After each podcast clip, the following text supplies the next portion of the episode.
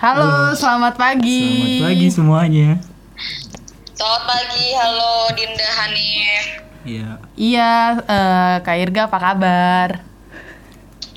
Baik, alhamdulillah menyenangkan hari ini. Yes. Kalian apa kabar di sana? Alhamdulillah. eh ya baik. Kak Irga apa sekarang aktivitasnya kak? Eh, ya, baik.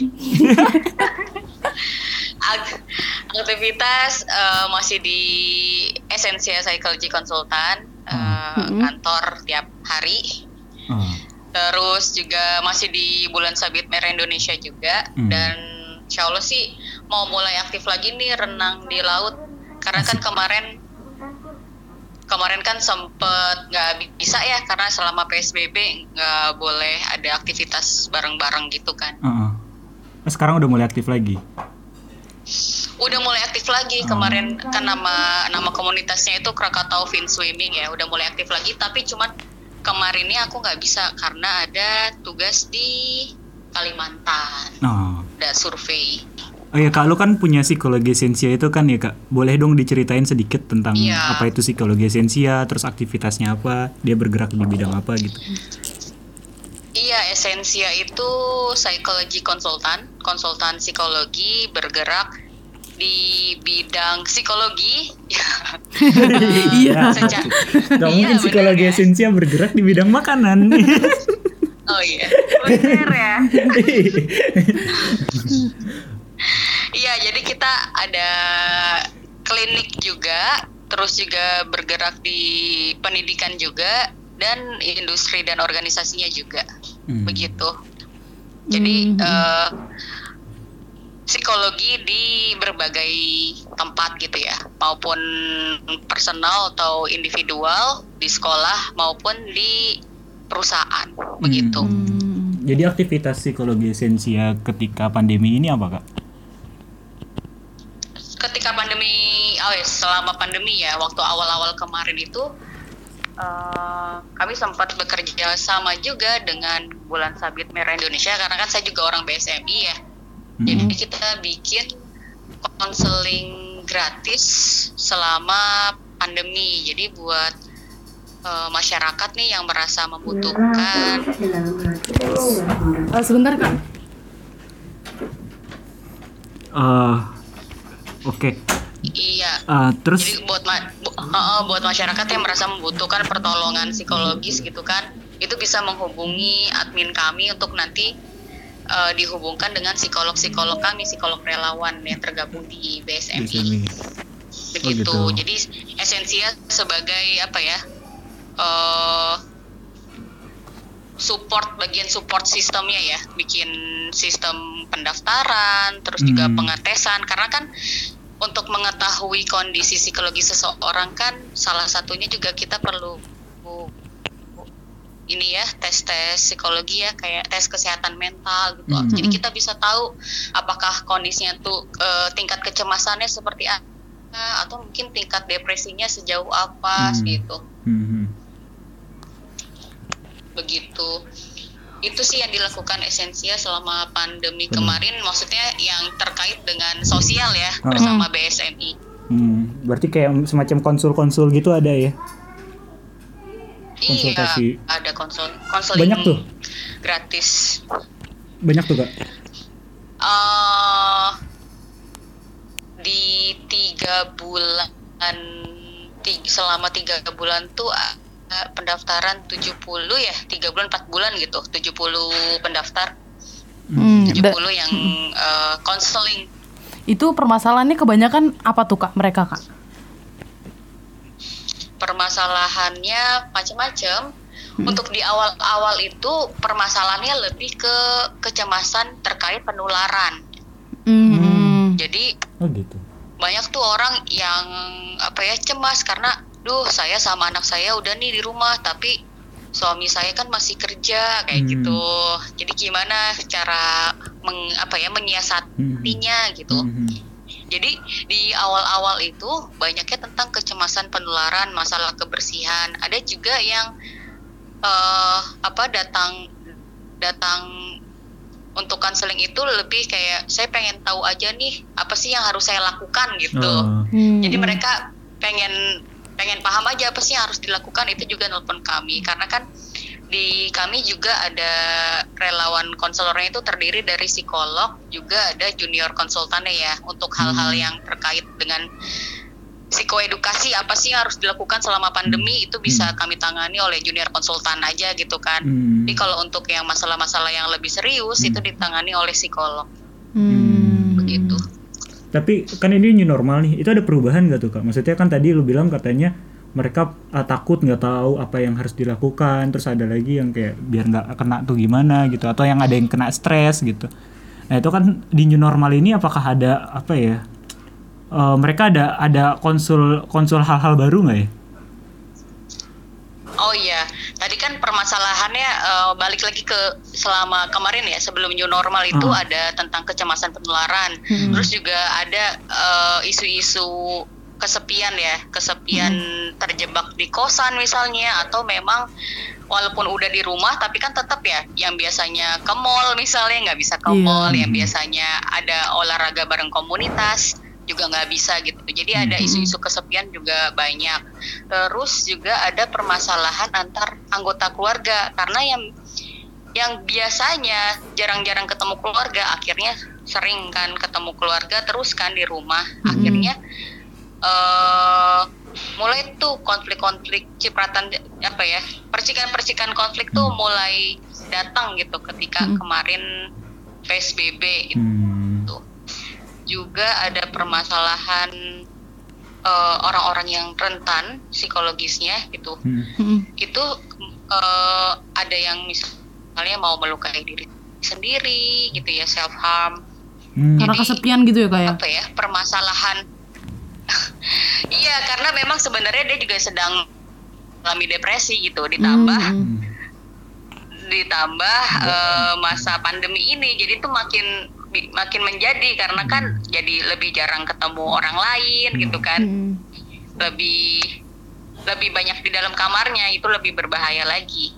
Hmm. gitu. Hmm. belum lagi yang anak-anak sekolah nih. Hmm. anak-anak sekolah adaptasi dong school from home. Iya. eh, ngerjain tugas-tugas yang banyak banget gitu kan. Ada yang masalahnya gimana di daerahnya nggak ada sinyal yang stabil. Aduh banyak banget deh Iya, apalagi emang berdasarkan survei KPA ini Kak ada datanya itu 1.700 siswa itu mereka 76,7 persen mengaku nggak tidak senang mengikuti pembelajaran jarak jauh. Cuman 23,3 persen yang meng- yang nganggep tuh kalau PJJ itu mengesankan gitu. Hmm. Jadi emang kayaknya berpengaruh banget ya kalau kak. orang kalau orang-orang kayak Dinda sama Hanif lebih senang school from home atau sekolah kayak biasanya aja Kayaknya Gimana lebih senang senang senang home sih. Enggak sih aku lebih suka ke sekolah sih kak. Enggak kalau gue kayaknya senang home nggak pakai school. Home for home. oh home from home From home. bolos itu. Jadi mungkin ada beberapa orang yang lebih suka school from home, Mm-mm. tipe kepribadiannya mungkin yang lebih introvert gitu Hmm. kan. Mm-mm. Dia jadi lebih nyaman ya dengan dengan keadaan Hmm. school from home. Hmm. Tapi kalau anak-anak yang extrovert itu kan biasanya dia butuh interaksi sama banyak orang secara langsung, Hmm. butuh eh butuh apa ya rame-rame gitu itu biasanya akan kesulitan mengikuti school from home. Hmm. Padahal walaupun mereka tuh kayak tetap interaksi gitu sih kak. Maksudnya kan tetap interaksi cuman karena nggak nggak secara langsung itu ya yang nggak dapet mereka eh, apa rasa senangnya tuh nggak dapet. Padahal sebenarnya kan kalau dibilang ketemu bareng-bareng sama temen juga ketemu cuman Yes. by online gitu kan. Iya ketemu, tapi kan kebayang nggak sih ketemu by online kan diam aja. Kalau Iya. ketemu secara langsung kita bisa apa ya iya. makan-makan bareng, Iya. bisa olahraga sih. bareng gitu kan kalau di sekolah. Maksudnya kan Iya, nggak iya. nggak cuman ketemu doang, tapi ada gerakan-gerakan fisiknya, Iya, benar. ada sentuhan-sentuhan macam-macam. Ini juga ada survei lain nih, katanya apa? 79,9% responden menyatakan PJJ berlangsung tanpa interaksi guru siswa. Mereka ngaku dalam hal ini guru hanya memberikan dan menagih tugas. Hanya 20,1 persen responden yang menyatakan ada terjadi interaksi antara siswa dengan guru sama PJJ. Itu menurut survei KPAI lagi. Menarik sih. Waduh. Iya. iya, mungkin ya kasihan juga ya guru-guru juga kan adaptasi juga tuh mereka. Iya sih. Mm-mm. Iya bener. Karena mereka nggak disiapkan untuk pembelajaran Iya, secara iya. online kan. Iya, iya. Terus tiba-tiba blok pandemi, ya udah semuanya by online gitu. Iya. Nggak semua, maksudnya nggak semua guru loh familiar sama Sistem baru. Sistem apa ya sistem-sistem yang digital gitu. Ah. Iya sih. Jadi mungkin merekanya juga adaptasi ya kalau saya sih Hmm, ngelihatnya kayak gitu nggak nggak bermaksud meninggalkan pekerjaan ya tapi memang keadaannya sepertinya sulit gitu. Mm-mm. Hmm. Nah, kalau misalnya buat eh, guru nih kak, Mm-mm. kita eh, gimana caranya ya kira-kira biar anak-anak tuh termotivasi buat belajar walaupun by online Hmm, iya benar. dari guru sama orang tua ya terutama gitu. Ada nggak kak tip- eh, apa hal yang harus dilakukan gitu sama guru sama orang tua? Yang jelas sih interaksi pembelajarannya harus tetap mesti ada ya. Hmm. Pakai aplikasi-aplikasi apalah banyak kan pilihan tetap perlu ada pembelajaran di kelas secara virtual begitu karena kan kalau dikasih tugas-tugas doang nanti kasihannya membebani siapa? Mem- satu anaknya. Kedua orang tua di rumah juga. Yang mana orang tua juga kan em, juga tidak semuanya tidak semuanya apa ya sudah terbiasa dengan hal pembelajaran di sekolah itu kan. Mm-mm. tapi ya baiknya orang tua juga segera beradaptasi dengan dengan keadaan sulit sekarang ini gitu gimana nih biar bisa mensupport anaknya supaya nyaman Iya. selama school from home Iya, tetangga gue pada ngeluh misalnya yang tadinya iya katanya apa kok jadi kan- ibunya yang belajar. Waduh. Oh,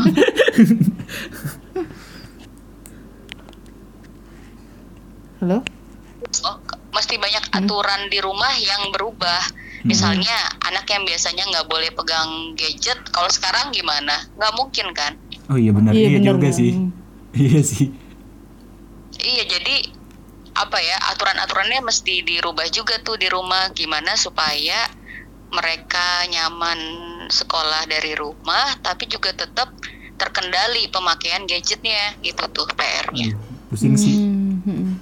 Jadi emang harus bikin kesepakatan awal lagi ya di rumah ya sama anak. Betul, jadi ada kesepakatan baru lagi Iya, adaptasi untuk menghadapi era baru ini gitu. Mm-mm. Era new normal Era sekarang ya. Iya sih. Hmm. Mm-mm, mm-mm. Kalau dari dari pihak gurunya ya gitu, tetap mengusahakan pembelajaran ke anak-anak. Jadi suasana belajarnya itu masih dapet, suasana kan guru kan gak cuman ngajar ya, tapi juga mendidik, mendidiknya itu masih dapet. Mm-mm. Hmm. Tanyakan kabar anak-anak seperti itu. Hmm. Nah, kalau tadi kan kita bahas soal ini ya kayak so- soal seputar eh, gu pendidikan gitu ya kak. Kalau kita ke ini gimana nih kak? Ke karyawan gitulah, yang biasanya mereka harus bekerja gitu kan. Terus sekarang tiba-tiba mereka di rumah, ada yang dirumahkan segala macam gitu dan menghadapi anak yang eh, dengan segala tugas-tugasnya yang bikin jelimet gitu. Ada nggak Oh, sih iya, kak tips-tips bonding antara anak sama orang tua gitu kak di rumah biar anak tuh istilahnya nggak jadi pelampiasan stresnya orang tua gitu kak. Iya benar. Iya iya. benar. Jadi memang eh, ada tantangan baru ya Mm-mm. Kalau kemarin-kemarin mungkin orang tua berharap masih apa punya banyak waktu untuk bersama anak ya. Mm-mm. Kemudian dikasih nih waktu banyak bersama anak, ternyata ada tantangannya juga nggak semudah itu ya. Ternyata harus harus ada strateginya bagaimana menciptakan eh, interaksi yang menyenangkan selama berada di rumah Mm-mm. begitu. Nah, yang pertama apa? Kalau dari orang tua sih eh, melatih komunikasi diri yang baik ya, yaitu dengan cara apa? Dengan cara lebih banyak mendengarkan. Mm. Jadi eh, komunikasi yang enak itu yang yang banyak yang mendengarkan sebenarnya. Kayak gini deh, Hmm, seorang koki ya, seorang koki Halo? Halo? Halo? Halo? Halo? Sorry, sorry kak, Ya. putus kak. Gimana tadi Ya, kak ya. seorang koki? Ya, seorang koki bisa nggak menjadi koki yang hebat kalau dia sendiri nggak suka makan, dia nggak tahu bedanya eh, makanan enak, makanan nggak enak, bisa nggak? Iya nggak Iya, bisa. bisa sih Dia harus suka Iya. dulu ya. Dia harus eh, banyak konsumsi makan dulu gitu kan, Mm-mm. supaya dia bisa jadi terusnya bisa tahu, oh ini makanan enak, ini makanan nggak enak. Akhirnya dia bisa menjadi koki yang hebat. Mm-mm. Nah, terus analogi yang kedua, bisa nggak sih seseorang menjadi penulis hebat kalau dia bukan eh, pembaca yang hebat juga? Hmm. hmm. bisa sih Susah juga kan, jadi dia harus mengkonsumsi banyak buku Iya, juga gitu. biar dapat banyak baca. sudut pandang kan. ah Hmm. Betul. Nah, begitu juga dalam komunikasi. hmm. Kalau kita mau eh, bisa apa ya berkomunikasi dengan baik, ya salah satu tipsnya adalah lebih banyak mendengarkan. Hmm. Hmm. Jadi eh, eh, khususnya terkait dengan tadi interaksi yang menyenangkan di rumah, ya orang tua belajar lebih banyak mendengarkan secara aktif, mendengarkan anak begitu apa sih yang dirasakan Hmm. anak selama ini. Kalau mungkin kan orang tua ngeliat ini ceritanya nggak penting gitu ya, cerita tentang Iya. teman-teman Iya, ya, iya. tapi kan Mm-mm. buat anak itu sesuatu yang penting. Hmm. cerita tentang kesulitan belajarnya, cerita wah macam-macam. Jadi tips untuk lebih apa ya, membuat interaksi yang menyenangkan di rumah tuh orang tua lebih banyak mendengarkan. Hmm. Begitu. Gitu. Gitu nih, banyak mendengarkan Banyak anak. iya benar-benar Iya. anaknya siapa tuh Udah berapa Hanif anaknya? anak kucing ada berapa nih? Udah berapa Pak Hanif anaknya? masih masih tahu gue bingung mau jawab apa Masih direncanakan dia kan. Masih direncanakan ya. Kayaknya belum direncanakan sih. kayaknya masih jauh dari rencana Masih sih direncana. Wah parah lu nih. oh parah sih Iya.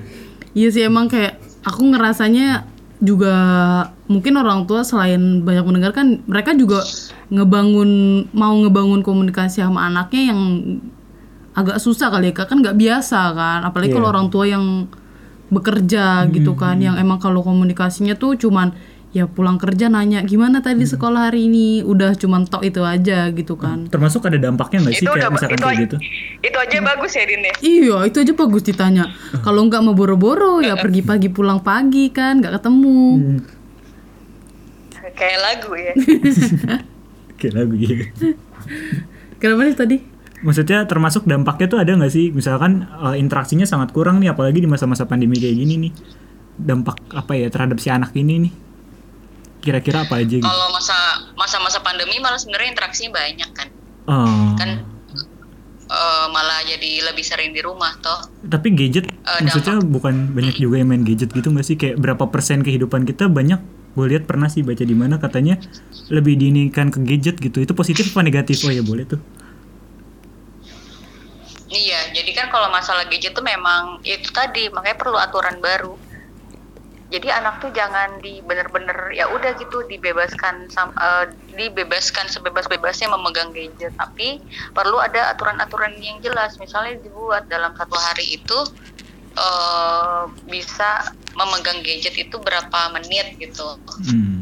Misalnya dalam satu hari satu jam atau dua jam kayak gitu. Hmm. Jadi memang diberi waktu, tidak bisa dibebaskan sebebas-bebasnya. Hmm. Makanya kalau bisa tuh kalau anaknya masih apa ya, anaknya mas belum dewasa, Hmm. gadget itu baiknya masih milik orang tua aja. Jadi Hmm. statusnya tuh gadget tuh dipinjamkan aja ke anak, sehingga anak nggak ngerasa kalau itu udah hak penuh dia gitu Hmm. dalam pemakaiannya. Itu di, di dianggap udah dewasa kalau dianggap udah dewasa kalau dia udah kelihatan paham tanggung jawabnya Hmm. Bukan soal usia dia berarti sudah ya. tahu oh usia juga dong Usia tentu juga. kan dua ya usia Ah. usia juga sih secara psikologisnya juga Hmm. Usia tuh biasanya berapa tuh kak? Maksudnya yang relatif aman kita kasih edukasi soal gadget Hmm. gitu. Iya, untuk usia itu kalau pemakaian gadget kalau anak-anak sama apa apalagi remaja baiknya sih memang masih dipinjamkan saja ya. Tapi kalau misalnya sudah remaja itu sampai usia berapa sih? SMA tuh masih remaja loh. Oh SMA masih remaja ya? Aku kira sampai SMP kak. Eh, remaja eh, SMA remaja Enggak, SS. 17 nggak SMA sih? itu masih 17, remaja. Jadi anak-anak kalau ya? kalau kalau kalau secara usia itu rentangnya kitaran remaja tuh remaja akhir itu di, di sampai usia 20-an tahun lah, 20 tahun. Nah, 20 masih remaja. 19 masih remaja 20. Hmm. Udah remaja akhir, udah selesai. Di luar itu udah masuk dewasa muda. Hmm. Hmm. gitu. Hmm. Tapi sekarang kan dewasa muda anggaplah anak eh, mahasiswa gitu. Mahasiswa kan misalnya dia penghasilannya masih dari orang tua, pakai uang orang tua. Hmm. Itu sebenarnya juga belum kalau secara apa ya? secara ekonomi, secara psikologis jadi jadinya juga belum dewasa sih kalau masih kayak gitu. Hmm. Hmm. Oh ya Karena kak. masih Hmm. belum apa bertanggung jawab penuh sama dirinya. Hmm. Kak, kalau kita nih kak di situasi pandemi gini, gimana sih? Ada nggak sih kak yang kayak bisa kita ngeliat secara kasat mata gitu ya? Kalau misalnya kayak anak kita atau teman kita tuh mengalami stres gitu, biasanya Nah, iya ciri-cirinya kayak gimana tuh kak? Oh iya, ini bagus nih pertanyaannya. Jadi gimana sih ngelihat secara kasat mata Hmm. Teman-teman kita yang stres di masa-masa pandemi? Mm-mm. Sebenarnya kalau secara kasat mata rada susah ya, karena kan jarang ketemu malahan. Hmm. Mm-mm. Bener sih. Tapi biasanya kan iya kan. Tapi coba dilihat misalnya eh kalau dari grup WhatsApp, kalau grup temen apa grup WhatsApp yang teman-teman akrab gitu ya, misalnya Hmm. dia jarang komentar atau apa ya ditanyain aja kabarnya gitu kan. Mm. Hmm, Terus iya juga Eh, eh, terus kalau misalnya anggota keluarga, anggota keluarga kan satu rumah nih. Mm-mm. Misalnya dia nggak nggak keluar keluar kamar atau murung, Hmm. jarang tersenyum. Nah, Mm-mm. itu juga bisa jadi warning ya, kenapa ya ini Hmm. gitu. Mm-mm. Apalagi misalnya selama dua pekan murung terus gitu. Mm-mm. Hmm. Selama dua pekan kan beda ya, kan ada orang yang moodnya lagi jelek ya. Misalnya Hanif nih, pagi-pagi bangun tidur masih ngantuk atau apa murung gitu kan mukanya. Tapi kan nanti siang udah seger lagi gitu kan. Nah, Hmm. kalau orang dengan kesehatan mental yang kurang baik itu Hmm. nggak berganti-ganti murungnya itu bisa sampai dua pekan Hmm. lebih gitu. Hmm. Terus Tuh langkah bisa kita jadi masuk ke Oh, iya. tahap Mm-mm, bisa jadi masuk ke tahap depresi ringan Hmm. atau mungkin Oh. lebih dari itu kan. Hmm. Mm-mm. Terus kalau kalau udah kayak gitu tuh langkah kita apa ya maksudnya sebagai orang yang Terdekat ah, lah gitu. ah, Gimana kita, kita pendekatan lakukan ya. personalnya gitu kak pertama kali. Iya, yang pertama sih kita bisa jadi temannya aja ya, kayak menemani dia, misalnya dia dia butuhnya apa, kita lihat kebutuhan dia apa, hmm. eh kita temanin gitu. Tapi jangan terusnya malah jadi menginterogasi ya, terlalu menginterogasi Nah, kayak hmm. kita iya. pengen tahu, tahu-tahu pengen tahu masalahnya, jangan. penasaran Jadi, gitu kan. Mm-mm. Iya Hmm. betul, itu kan jadinya kepentingan kita bukan kepentingan Iya sih, dia kan, iya, iya, kepentingan benar. penasaran kita kan. Mm-mm. Jadi lebih baik kita temen kita temenin aja, kita dampingin. ah. Eh, misalnya apa sih sesimpel pas dia makan kita ikut makan bareng dia kayak gitu loh. Hmm. Gitu. Kalau misalnya yang jauh ya video call nemenin makan dia misalnya kayak gitu teman kita. Hmm. Terus eh ditelepon. Kadang-kadang kan juga ada temen ya yang bilang dia butuh ada waktu nggak kayak gitu. Itu kan juga Oh, iya. ya udah kita menyediakan waktu buat teman kita dengerin cerita teman kayak gitu. Jadi melakukan apa ya menemani pendampingan Hmm. kepada orang-orang yang kita ngelihatnya wah ini kayaknya rentan deh gitu Nah nanti nggak usah kita tanya, mereka akan cerita sendiri kok kalau emang mereka butuh bantuan atau sekedar butuh cerita aja. Hmm. Hmm. Oke, jadi Gitu. emang Jadi kita itu kita nemenin kepo aja dulu ya gitu. kak ya, Betul. tanpa bertanya gitu. membuat ya. mereka apa ya? Nyaman. Membuat mereka nggak merasa sendiri. Hmm. Dan membuat mereka nyaman betul. Itu sih tahapan yang bisa kita lakukan ya seca- eh, untuk orang-orang yang misalnya saya saya kan bukan psikolog nih kak. Saya bukan Hmm, iya, ahli jiwa. Oh, oh, tapi coba deh kesehatan itu siapa sih sebenarnya yang megang? Ya orang-orang sekitar kan? Iya Mm-mm. sih. Iya sih. misalnya kita lagi misalnya kita lagi apa ya eh, dalam kondisi mental yang nggak terlalu baik gitu Mm-mm. terus kita ngelihat orang menyapa kita tersenyum sama kita jadi ikutan Hmm. kayak ngerasa apa ya lebih fresh nggak sih Hmm. Iya. Iya sih.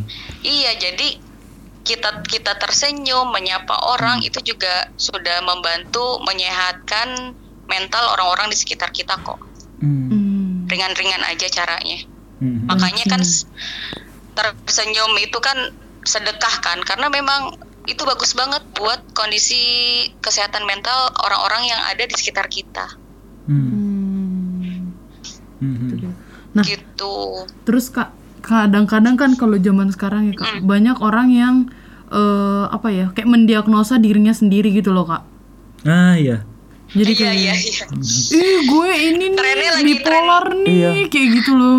Eh gue ini nih padahal mereka tuh nggak tahu deh aku dapat diagnosanya dari mana gitu. Kalau kalau dia depresi, apa maksudnya? Apakah dia mau langsung ke psikolog gitu apa enggak sih kak? Atau ada tahapan-tahapannya gitu? jadi trennya Mm-mm. jadi trennya tren mendiagnosa diri sendiri ya Iya. gue kan bipolar akhirnya Ah, dengan dia bilang dia bipolar eh, dia jadi tidak memberi kontrol pada emosi-emosinya gitu Hmm. jadi kalau dia mau marah dia lampiaskan kalau dia mau sedih dia lampiaskan Hmm. juga kayak gitu Hmm. jadi untuk melepas kontrol dari emosinya dia menyebut dirinya bipolar, gitu Bipolar. ya Hmm. ada juga tuh kasus-kasus kayak gitu Hmm. tapi yang jelas diagnosa itu kan memang mesti datang dari profesional ya Mm-mm. jadi memang eh, perlu ya kayak orang perlu perlu ke dokter untuk dapat diagnosa misalnya dia tipes atau demam berdarah kayak gitu kan. Hmm. dicek dulu ada pengecekan darahnya. Nah sama kayak depresi kecemasan bipolar itu kan ada pengecekannya juga. Hmm. jadi di diobservasi terus juga ada eh, alat tesnya juga untuk melihat apakah memang sudah bisa ditegakkan bahwa yang bersangkutan itu sedang mengalami depresi, kecemasan atau Hmm. bipolar dan lain-lain. Hmm. Nah, untuk cara Begitu. biar kita nggak apa sih kak nggak ngecap apa kayak diagnosa diri sendiri gitu kak kita cara identifikasinya saat kita udah butuh pertolongan gitu itu gimana tuh kak Mm-mm. cara identifikasi dirinya kadang-kadang kan takutnya cuman panik berlebih doang kan terus langsung ngediagnosa aduh gue ini nih ada anxiety nih kayak gitu Hmm. padahal sebenarnya ya nggak kenapa-napa nah itu cara kita ngidentifikasinya udah nih gue harus Hmm. pergi ke psikolog buat butuh butuh bantuan itu gimana tuh kak Betul. Sebenarnya nggak ada salahnya sih ya kalau kita mengidentifikasi diri sendiri untuk mengetahui Hmm. eh sebenarnya gue kenapa sih kan bisa googling sekarang kan gampang ya. Iya, Hmm. iya. Oh iya nih gejala-gejala yang gue rasain ini gitu. Tapi Hmm. memang untuk menegakkan secara sah diagnosanya perlu datang ke profesional, bisa ke psikolog atau Hmm. ke psikiater Hmm. begitu untuk mengetahui apa sih yang sedang terjadi dengan dia gitu. Hmm. Hmm. hmm. Oke deh kak. Begitu Hanif. terakhir nih eh, apa ya sekarang kan pandemi nih terus tadi kata lu katanya ada apa yang beberapa yang konsul ke lu mengalami stres atau bahkan depresi atau bahkan sampai apa menyakiti dirinya sendiri gitu Eh, bisa dong kayaknya share tips-tips agar bisa ngelewatin stres ini gitu kak biar kita Biar bisa kita- survive boom Su- supaya bisa survive ya. Iya. Gimana sih coping untuk melewati masa-masa pandemi ini begitu ya? iya Hmm. betul Nah, kemarin itu ada penelitian eh, riset dampak psikologis wabah COVID-19 oleh eh, Dr. Muhammad Abdul Hakim, dosen di UNS ya. Jadi Oh di, di Solo ya? itu di iya di Solo. Jadi terkait singkat kata aja ya terkait Hmm. coping.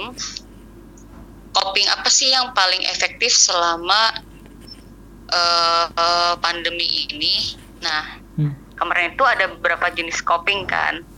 Ada apakah misalnya dengan main games bisa meredakan ke apa ya meredakan Kecemasan. permasalahan psikologis iya permasalahan psikologis selama pandemi ternyata nggak efektif juga kayak Oh, gitu. gitu.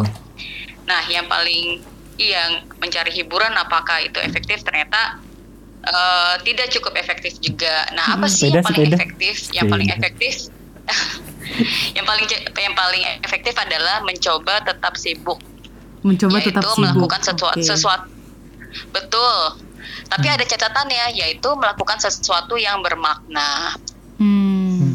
gitu Iya. jadi bukan yang sibuk asal sibuk tapi sesuatu yang bermakna gitu buat kita Hmm. nah bermakna ini macam-macam bekerja kan mencari nafkah juga bermakna juga kan Mm-mm. Hmm. menolong orang juga bermakna Iya. Mm-mm. Iya. Wah, reconnecting. reconnecting cuy. Halo? Halo. Ya, Kak, maaf Kak, keputus sih. Kak. ya iya iya Mm-mm. itu tips yang paling efektif insya Allah selama pandemi tetap sibuk dengan hal-hal yang bermakna Hmm, oke. Misalnya kayak bersepeda lu Gitu. tuh, Nif. Itu bisa kan, Kak? Betul Tren sepeda. iya bersepeda kan bermakna kan Mm-mm. sehat menyehatkan Hmm. raga menyehatkan pikiran juga Mencapaikan betis. juga.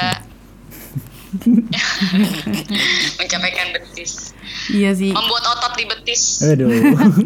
Makanya kenapa sekarang jadi muncul banyak tren-tren baru gitu kan, Kak? Kayak tren Iya, ya. bersepeda, Iya. tren menanam. Itu mungkin karena orang berusaha untuk tetap sibuk ya, Kak? iya ya.